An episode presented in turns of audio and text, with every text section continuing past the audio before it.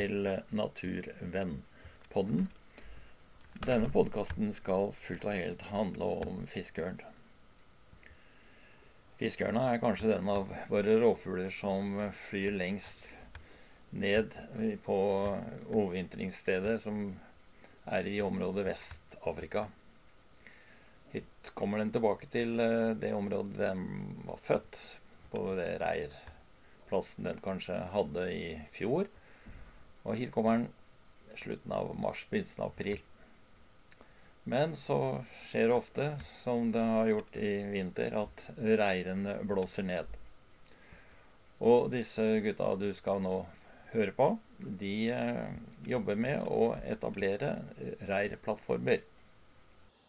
Hvor er vi igjen nå, Roy? Nei, nå står vi oppe ved Femsjøen, like nord for Halden og ser ut på Jernesøya og et fiskeørnrede der ute. Og vi ser at eh, fiskeørnen ser ut til å ha allerede lagt seg på egga. Den kom hit allerede 27.3, og nå har den allerede gjort seg klar for eh, hekkesesongen.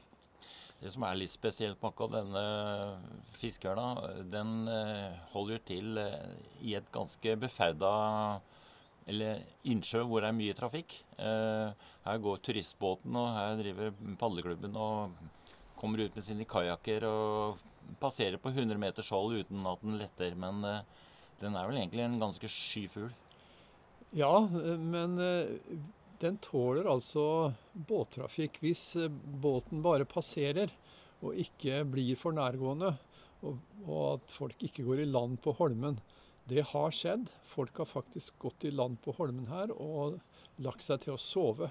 Og den, det året det skjedde, så gikk det helt uh, gærent med hekkesesongen. Så uh, selv om den fuglen her er vant til båttrafikk, så skal man ikke gå for nærme redet. Mitt navn er uh, Tore Hoel. Og ved siden av Roy Nordbakke har jeg eh, Jørn Bøhmer Olsen, som er eh, fotograf, naturfotograf. Og Rune Aa, som underviser på Høgskolen i eh, Østfold. Men Roy, du var den som startet opp med å studere fiskeørna. For den ble fredet da i 1962. Det var ti år etter at svenskene hadde fredet den, og den var vel nesten på vei ut? Men den var den første av rovfuglene som ble freda, da? Ja, den ble jo freda ti år før de andre. Ja. Og eh, grunnen til det var vel det at man innså vel at fiskeørnen kanskje ikke var veldig skadelig på viltet. Den gangen var det jo sånn at eh, alt som hadde krumt nebb og krumme klør, det skulle utryddes, for da ble det mer for jegerne å skyte på. Men eh, når fiskeørnen da ble freda i Sverige og så i Norge, så, så, begynte jo bestanden da å vokse. Den var jo på et lavmål på, på 1950, tidlig 50-tall. Så egentlig så fikk vi da en del svenske fugler over grensa, og her i Halden så var kanskje ikke bestanden så veldig stor da du starta opp og skulle ha din hovedoppgave da du studerte til uh, kanreal på Blindern? Nei, det var faktisk bestanden var jo så liten at uh, min veileder Ivar Mysterud han anbefalte meg vel egentlig å ikke velge fiskeørn pga. Uh, at han trodde jeg ville få for lite materiale. For jeg gikk til han og sa at jeg var, var interessert i å prøve å finne ut Eh, noe om næringsøkologien til fiskeørn. da, Hva slags fisk, og hvor store fisk han tar, og hvor mye han tar, og sånne ting. Og han var nok litt redd for at jeg ikke skulle få nok materiale. Så han eh, sa til meg du får dra ut til Yngvar Hagen. Eh, for Yngvar Hagen var jo selve rovfugleksperten i Norge på den tida. Han hadde jo skrevet denne boka 'Rovfuglen og viltleien'. Og det var faktisk den boka som inspirerte meg til å å ta en oppgave på fiskeørn, fordi Hagen i den boka skriver at uh, han har nesten ikke materiale på den, fordi den var så sjelden at han, han klarte rett og slett ikke å finne nok materiale.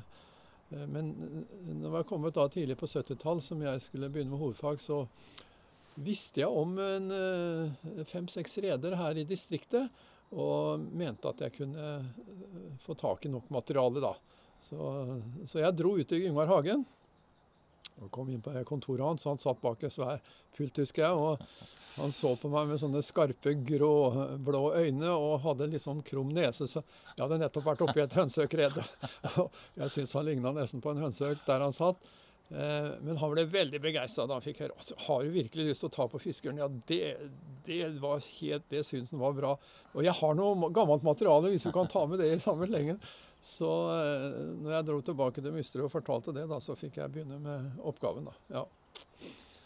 Men uh, utbredelsen da, den gang var ikke, så, var ikke så stor. Men etter hvert, uh, mens du tok hovedoppgaven, så hvordan gikk, uh, gikk den?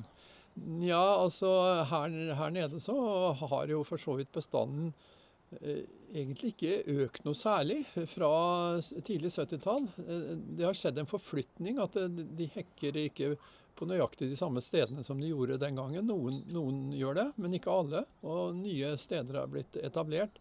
Men totalt sett så er det faktisk ikke så mange flere fiskeørner som hekker nå enn det var på 70-tallet. Så det ser ut som bestanden har flata litt ut. da.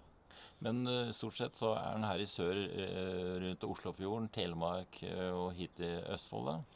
Ja, det er, det er, nok særlig på Østlandet. Fra Halden og Sørlandet og, og øst, ja, nordøstover gjennom Gudbrandsdalen og Østerdalen særlig. Og Trøndelag. Og så får du den jo igjen oppe i Finnmark, da. Mens den er litt sjelden på Vestlandet. Mm.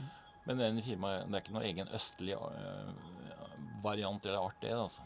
Nei, det er samme arten, men uh, den har en litt annen trekkrute. Uh, de fuglene som hekker her, de trekker liksom ned gjennom Frankrike, Spania, altså over Middelhavet der, mens den østlige arten, den østlige typen, da, eller den som hekker i øst, i Finland og i, i øst i Finnmark, de trekker liksom mer østlig rute ned mot Nilen og den veien der. Mm. Trekket kommer litt mer tilbake til med han Rune. Eh, men dette med føden, da. Det er jo kanskje det du drev med? Ja, det var jo det jeg skulle undersøke, da. Og eh, det var slik at eh, jeg i løpet av den, de to somrene som jeg samla materiale, klarte å, å identifisere nesten 700 byttedyr. da. Det, og da viser det seg da at eh, den populasjonen som da hekker her, eh, for det meste lever av karpefisk, altså vedebuk og gullbust og brasme eh, og sånt, og gjedde og abbor. Men også de fuglene som jeg undersøkte, de fiska en god del i Iddefjorden. og da tar de også skrubbeflyndre f.eks. og sik. Ja grunn, altså, måten jeg identifiserte det på, var litt spesiell. da, for I dag har du viltkamera. Kan bare sette et viltkamera som kan stå hele sommeren. Ser du hver eneste fisk som kommer inn, og sitte hjemme. Du trenger jo ikke være ute engang. Men jeg lå eh, oppe ved reiret i mange timer og så de kom med fisk, og prøvde å se hva slags fisk det var. Men selve materialet var faktisk knokler som ja. lå igjen på redet. Det var særlig da eh, gjellelokka og kjever og sånne ting som jeg da kunne bruke til å identifisere. Og jeg laga meg også en sånn referansesamling av fisk, så jeg kunne se på størrelsen på knokelen hvor stor fisken hadde vært. Jeg laga et system på det, da, og det fungerte rimelig bra. da, Så fant vel ut at gjennomsnittsstørrelsen på de fiskene den kom med, var på en 250-300 gram. Og at den, eh, den, største var vel en gjedde på en kilo. Og det er eh, ganske imponerende når vi vet at fuglen ikke veier så veldig mye over en kilo. da, 1,2-1,3-4 ja, rundt der. Så det er jo imponerende å lette eh, fra vannet med en, en sprellende fisk i den størrelsen. Mm. Så det var sånn at vi faktisk har jo funnet skjelett av fiskeren som er drukna med klørne i en svær fisk som vi ikke fikk opp? Det går historier om det, men uh, Jørn, som har kikka nøye på det, har funnet ut at det er dårlig verifisert. Ja. Men du kunne spore hvor uh, uh, fisken ble tatt, sa du? Ja, du vet at akkurat på den tida der så var jo Iddefjorden egentlig bortimot død det var veldig mye forurensning.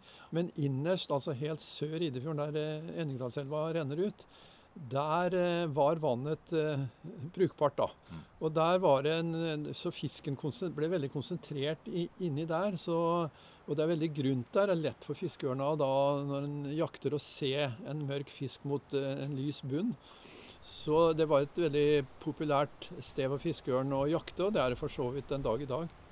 Eh, og jeg lå mye oppe i, i fjellsidene der og titta og noterte meg hvor de, hvor de stupte hen, og hvor ofte de traff og ofte de bomma og, og masse sånne ting også. Og da så jeg jo at de fiskeørnene de dro liksom østover. Og jeg fant jo på redet også da vederbuk og gullbust, og det fins jo ikke andre steder i nærheten enn i Idefjorden i, i forhold til de redene som lå helt oppe i Boksjøen. da. Og det er jo 17 km i luftlinje. Så de fiskeørnene fiska i stor grad helt nede ved Idefjorden og dro med seg da fisken den lange veien helt inn eh, til, til Boksjøene. Og en gang så, så skal jeg prøve å få film av dette her, og så er det den gangen var jo enkle greier, vet du, 8 millimeter og, og sånn. Så fant jeg ut at jeg skulle prøve å legge en fisk nede i vannet, litt under vannet, og så hadde jeg en, en, en, en fiskescene bindt fast i fisken, som, som da var festa i bunnen med en, med, med en tråd ned til en sten, så han liksom holdt seg under vannflata. Skulle slikke litt. Ja, og så, så lå jeg da i kamuflasje, og når jeg så fiskeørna nærma seg, så lea jeg litt på snora, så jeg så ut som fisken var levende, da. Ja. Og så fikk jeg jo da fisken til å stupe, nei, fiskeørnen til å stupe. Og øh, den dro av gårde, og vet du, den, med den derre tråden jeg, hadde, jeg husker det var en rød øh, garn, garnsnor som jeg hadde bundet fast. Og Et par dager etter var jeg oppe på rede for å hente redemateriale, eller sånn byttemateriale, og da lå den røde tråden. Så da fikk jeg jo i hvert fall helt bevis på at den hadde kommet den lange veien fra Idefjorden og opp da. Roy, du nevnte dette med at du hadde festet en fisk ned på bånn for å se hvordan eh, fiskeren tok denne, eh, dette byttet. Og du, Jørn, du er, som er fotograf, har jo drevet med å ta utrolig flotte bilder av fiskeren som tar eh, fisk under vann. Og da har du vel også satt ut eh, mer eller mindre død fisk. Ja, den var skikkelig død. Ja. Men og så var det noen tegninger i hovedfagoppgaven til Roy av hele forløpet. Og jeg klarte ikke å se meg mett på de tegningene. Jeg må se på dem fremdeles. Hele det der. Det går så fort. Vi ser ikke med øyet. Og så tenkte jeg kan jeg klare å ta bilde av dette? her? Og det gjorde jeg. Det er mange, mange mange tiår siden. Men så gikk jeg og studerte på dette under overflata. Hva skjer der? Og jeg har sett en videosnutt på det, men så vet jeg det fins jo ikke bilder av det. Og så tenkte jeg, kan jeg klare det? Og hva skjer?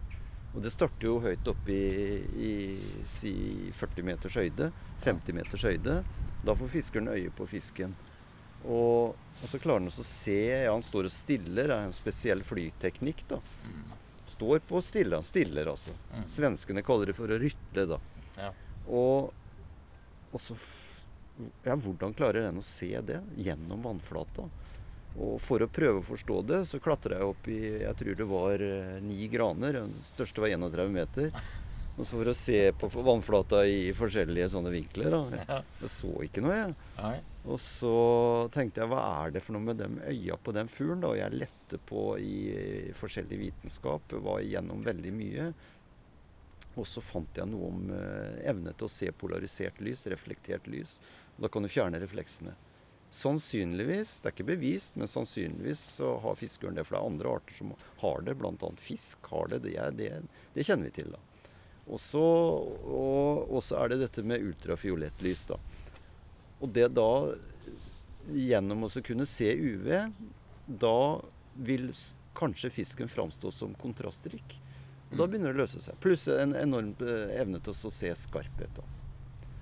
Men så var det det med undervann. da, Akkurat det der, det der stup og det, da, vet du, det, det går jo veldig fort. da. Og spesielt på slutten. Da, da går det veldig, veldig fort. Roy har målt hastigheter til Kanskje var det ca. borti 100 km. Men det, det er sånn, det varierer ettersom hvor, hvor dypt fisken står. da. Og like før vannflata så lokker den eh, blunkehinnene. Det er sånne, sånne membran Alle fugler har det. Ja. Og så Akkurat idet han treffer, så lukker den øyelokka. Og så stuper den blindt. Og så etter 20 cm, da åpner den. Ikke blunkina, det er for beskyttelse. Og så ser han det som eh, er under vann, og så, så plasserer han de der store bakklørne rett i fisken.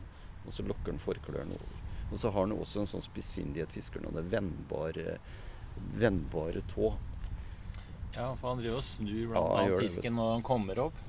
Ja, det kan han også gjøre, men den der vennbare tåa, da, den uh, innertåa, det er jo også interessant. At det plutselig så, så har han to-to. Ok, ja. Ja, og Mm, ja, ja, han to på hver side av fisken, ja. Ja. Mm. Akkurat. Ja.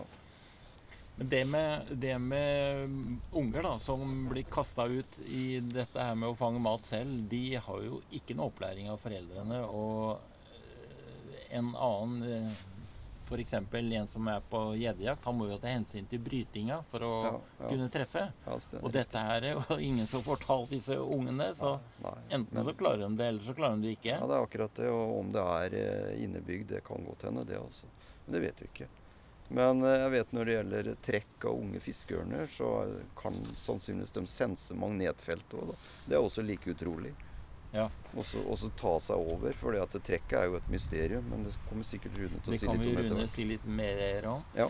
Det som eh, du har gjort, eh, det er jo å ta bilder av fiskeørn gjennom et langt liv, for å si det sånn. Du har jo sittet i uh, timevis i kamuflasjer, men du har vel noen gode opplevelser der? Ja, Senest i dag var jeg ute og klatra opp i, i et tre. da. Litt stamklatring. og Da hadde jeg støvler, men da måtte jeg hive av meg, så jeg klatra i sokkene. Så det går helt fint.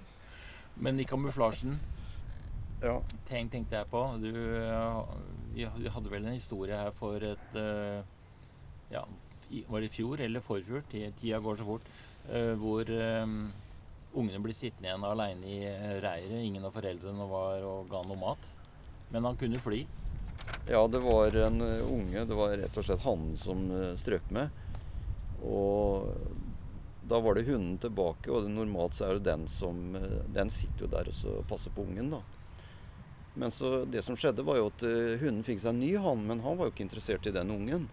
Han var interessert i hunden. Jaha. Og etter hvert så dro hunden, og da ble jo hannen sittende igjen med den ungen som han ikke var interessert i. Og da ble jeg en slags sånn fiskeørnpappa, da. Og fôra den ungen. Ja. Og til slutt dro han.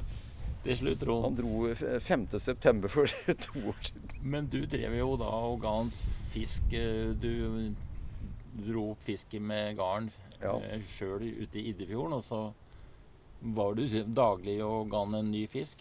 Ja, jeg var og fiska årbuk, men da, da var jo plutselig Jeger- og fiskeforeningen på banen. For de lurte på om jeg kunne få en og annen sjøørret i garnet, så det ble en Facebook-greie, ikke sant? Ja. Det er ikke lett. Nei, det er ikke lett. Men den fiskeørnungen den var jo på vingene da du begynte å fòre, men eh, etter hvert så dro han. Ja, ja, men er, de trekker jo alltid uten de, har, de bare gjør det, altså. Og har en sånn eh, Når de flyr over land, så har de en sånn eh, elegant måte å gjøre det. De drifter. Sånn, eh, det er ikke så nøye. De, de skal mot sør, da. Noen fiskerne kan til og med havne i Spania, f.eks.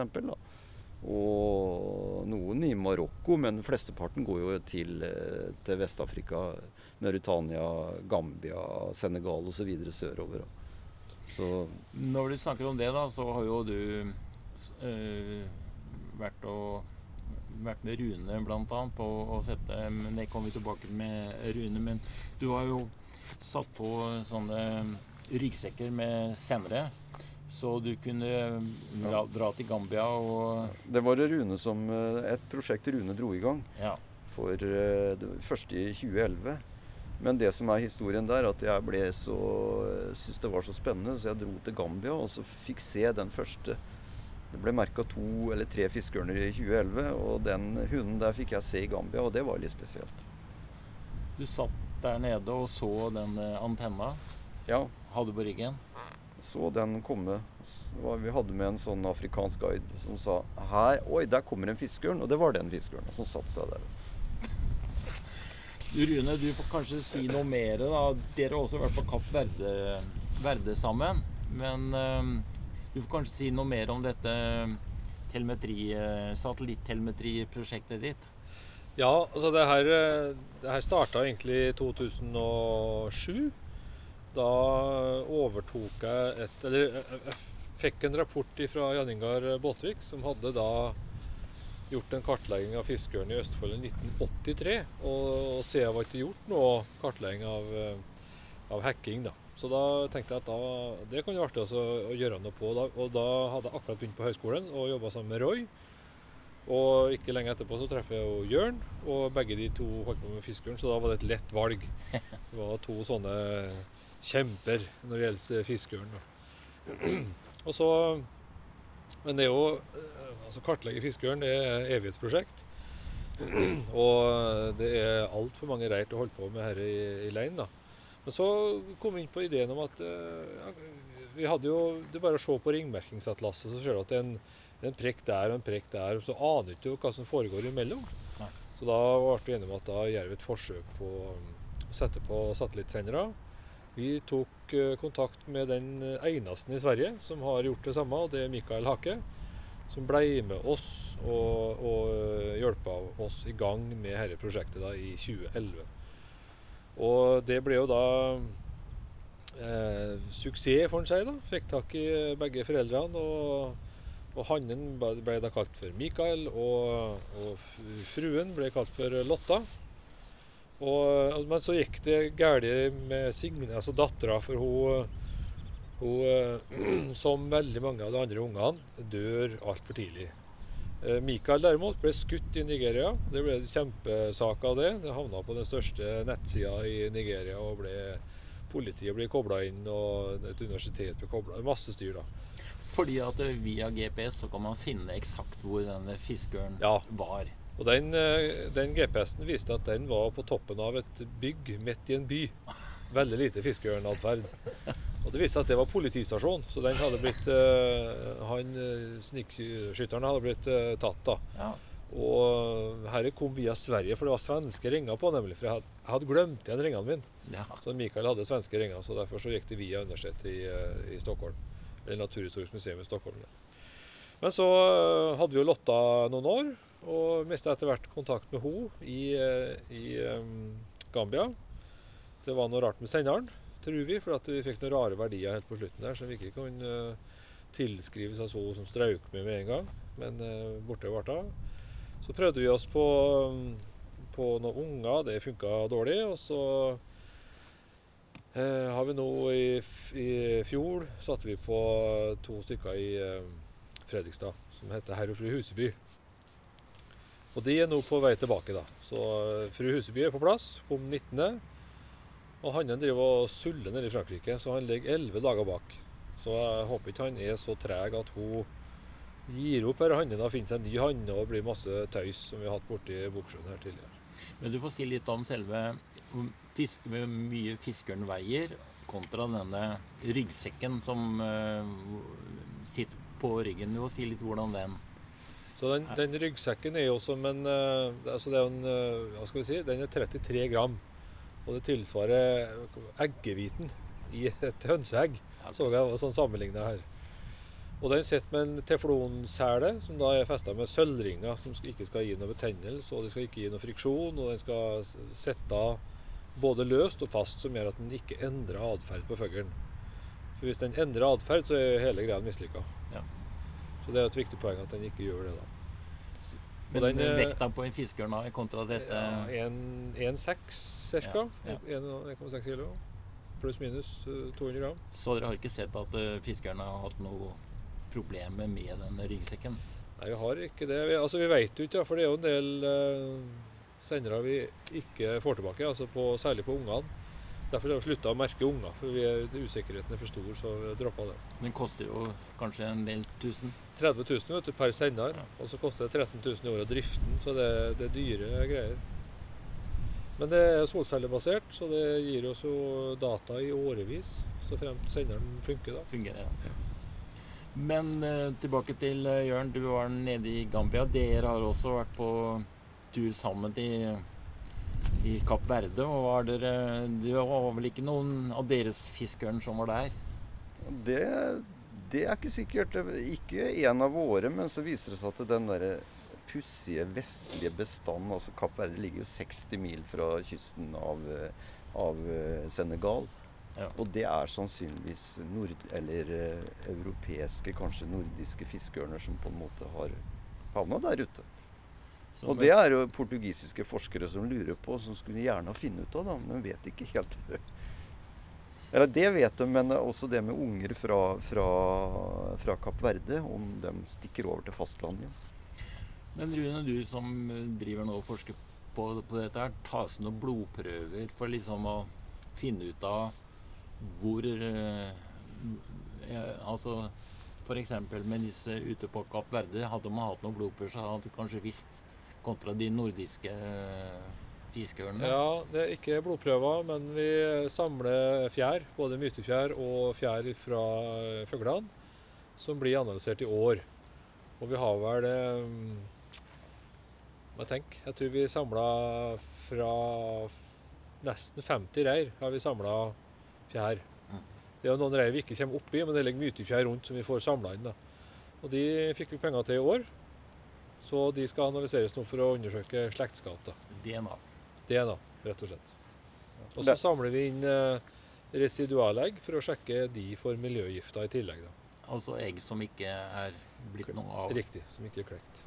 Er det et problem? Da kommer vi kanskje inn på dette med, med miljøgifter og Det var vel løpet opp en del år siden om du, Roy, drev og, og begynte å ha hovedoppgave. At det var et spørsmål om eh, hva var det de fikk i seg, disse fiskerne som overvintra i Afrika?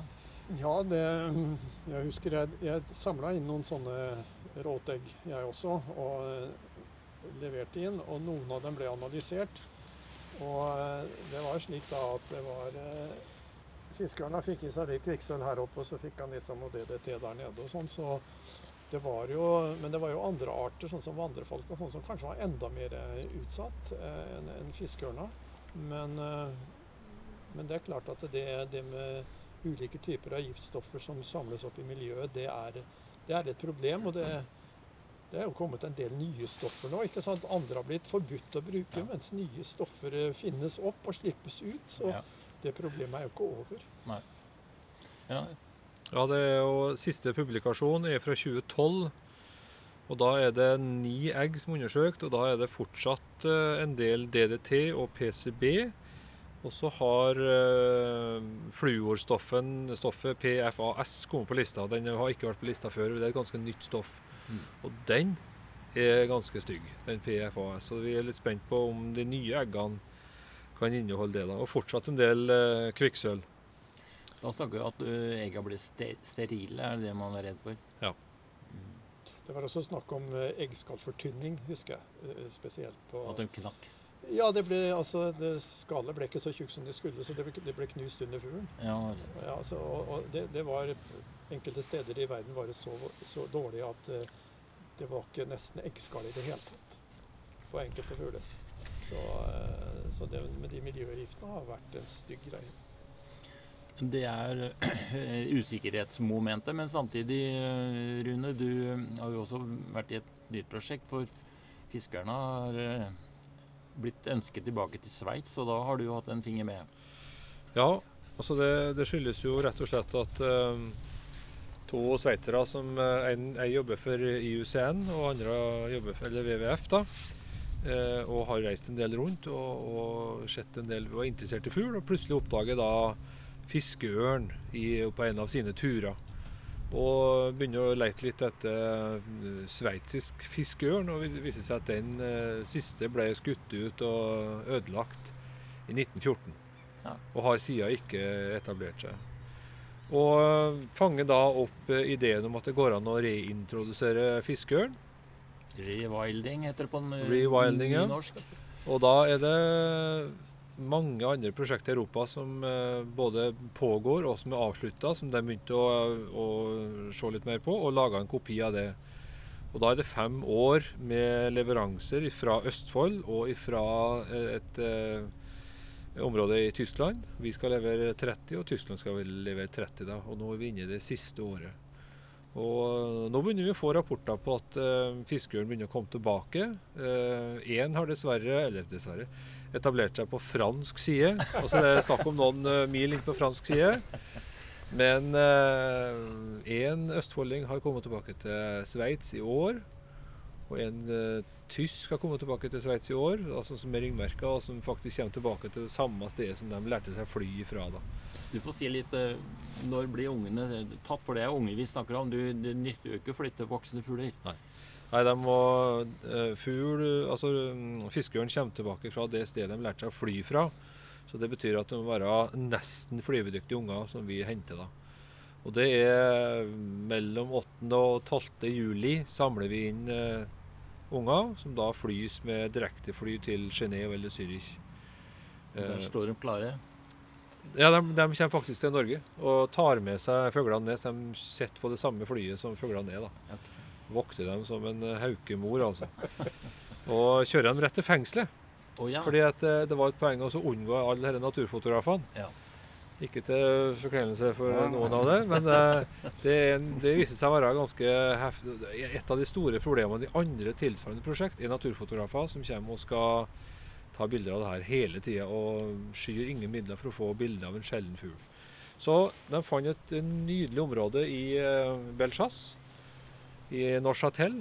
Tre enorme innsjøer med masse fisk. Som te- tenkte at her, her er det fint. Mm. Men så var det fint et sted, da. Og eh, kom i samtale med, en, eh, med et fengsel som var veldig positivt å ha det inne på sitt eh, store landbruksareal. Oh, ja. For det er litt sånn Bastøy over det, at du Ja. kan jobbe ute på jordene. Og, så der, der fikk de lov til å være. da. Og, og her fangene var med og bygde kunstig reir og planta døde trær på utsida av disse voljærene. da.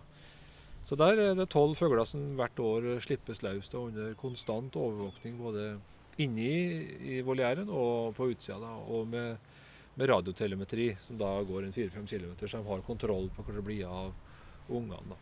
Så da gjør de som akkurat som Jørn drev med den enslige ungen her. De flyr opp i, klatrer opp i reiret og leverer fisk daglig så lenge de holder seg der. Ja, de har gjort det, de har gjort det på en litt sånn mer effektiv måte. Da. Så De kommer kjørende med bil inn til voljæren, og så kaster de fisken opp på toppen. Og så kjører de. For at er et poeng at det skal være minst mulig kontakt mellom eh, folk og fe. Folk og fiskeørn. Og det ser ut til å ha vært velga, for senest nå, har du- i dag, så har du fått en tilbakemelding. Ja, I dag har det kommet en, kommet en eh, tysk fugl som ingen har sett før. Plutselig er den på plass. Eh, to år siden den eh, fløy til Afrika, så den har uh, merga bra og skal være Og det er en hann, da. Og hanner er litt viktig for at de, de trekker damer, Ja, rett og slett. Så det kan hende at i verste eller beste fall at de jo, og, og, og så har de laga 28 reir som er hengt opp rundt omkring overalt, eller montert. da. Eh, Og hvis en hanne da har funnet seg et sted og, sitter klar, og det kan komme en trekkende fiskeørnhund over, så kan det hende at hun avbryter trekket sitt og lander der istedenfor.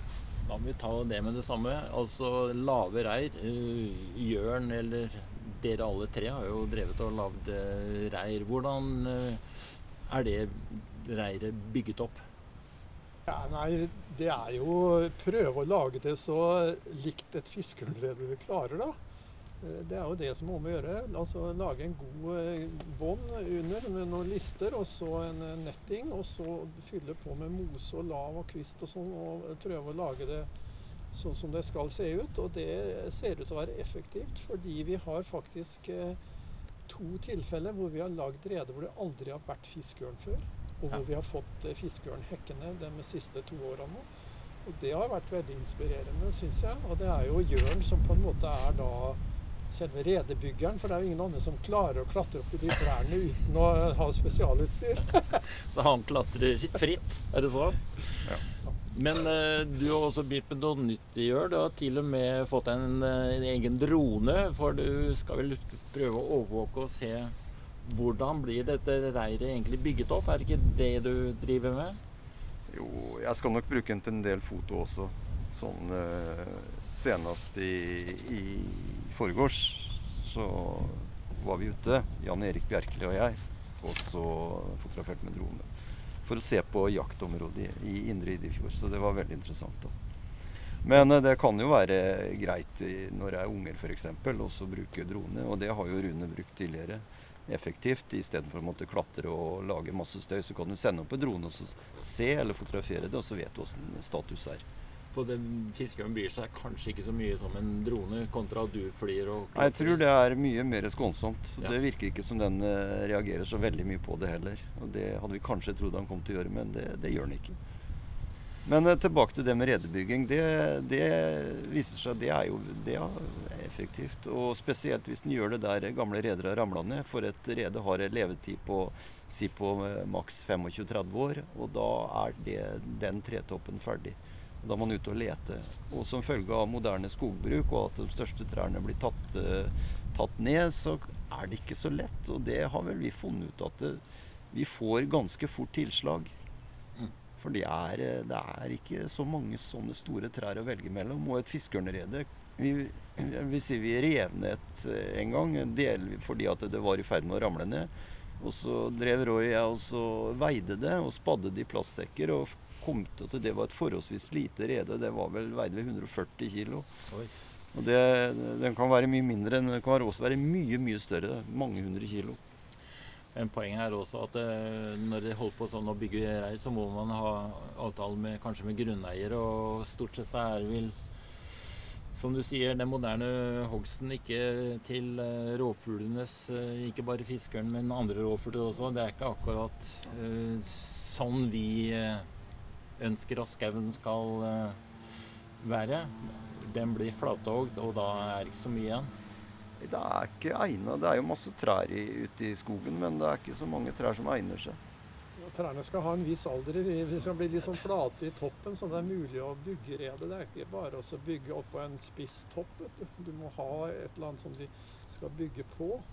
Og, og det, de trærne får jo ikke bli så gamle lenger. Det, de tar dem jo ned eh, før de blir eh, gamle nok. Men, eh, og det har jo hekka fiskeørn i, i kraftmaster. Og topprekte graner har også hekka fiskeørner. Men en ting som er interessant, det kan jeg si at av de fiskeørnene som nå hekker her nede i Halden, som vi er nå, så hekker omtrent alle på en restaurert eller ny plattform. Akkurat. Og, også den her ute. Ja. På eh, øya som vi Ja da, ja da det, det ramla ned en sånn storstorm. Da var det 35 sekundmeter eh, vindkast på Koster. Og det er jo ikke så langt herfra, da. Nei. Og da ble alt feid på sjøen, og da starta vi med å sette, opp en, eh, en plattform. Da. Et gammelt sauegjerde som vi fikk på Felleskjøpet. Og det funka i to år, så datt det ned, og så ble det laga en skikkelig plattform. da. Og nå er det den som står der. Det er solid, altså. For vi vi skal bygge opp et nytt reir nå på søndag. bort på Leire. Og det, det er et reir som har holdt i årevis, men som nå blåste ned. da. Oppi Brennoppvika Brennopvika datt det ned. Uh, Isersjø datt det ned. Dilling datt ned. Reir, gode, fine reir som eh, har gått i vinter. Altså. Så det, vært, det er noe kast som bekymrer meg litt. At det, at det ender opp med at alt blir plattforma til slutt, for, for å få reiret til å sitte fast. Riktig. Så eh, jeg håper ikke det, men eh, Men dere perfeksjonerer dette med reirbygging. Ja, nei, jeg synes jeg husker jeg leste en gang eh, at i Finland, så, det var for noen år siden, så hekka allerede halve bestanden på plattformen. mm. Gjør det. Så det blir utviklinga her òg. Ja, Nå har jeg drevet og fulgt et, et eh, bygging helt fra scratch. Og det er gran og, i Indre Østfold. Og grana har jo sånne, en krans øverst. Det er topprekk. da. Ja. Med, med Ja, det er seks eller syv grener. Mm. Og denne våren her så blåser det så ille, for den har kommet hvert år. Og rede blåser ned hver vinter. Og den kommer og bygger opp på nytt igjen da. Og den begynte, og så ble det stiv kuling. Og så, så blåste det ned. Og så starta han på nytt igjen og bygge redet, og så blåste det meste ned på nytt igjen. Så ga han opp. Så klarte han å finne seg et i, nærheten. Men, og der viser det seg der har grana den har ikke, Der har det ikke vært noe rede, så der er masse bar på de grenene. Da ligger det godt. da. Ja. Og det er jo det som skjer med trærne, at de blir utdatert etter hvert. Ja. Og at det er for lite å velge. Det er jo sjelden å finne topprekte graner som egner seg, så stort sett er vel furua Der jeg har vært, der er det store, veldig grove graner som er opptil 35 meter høye. Og der er det topprekk, og det er nydelige hekkeplasser. Ja. Enkelte. Men mye av den grana er selvsagt hogd. Ja, det er jo sjelden at granene får bli så store. Ja, det er enkelte steder det er sånn, og da funker det også. Da er det, da er det hekkeplasser òg. Mm. Ja, da har vi fortsatt noen eh, utfordringer rundt uh, fiskeørnas eh, hekking. Men vi får eh, gi oss her, eh, og jeg må bare takke for en eh, interessant samtale. Takk, takk skal dere ha.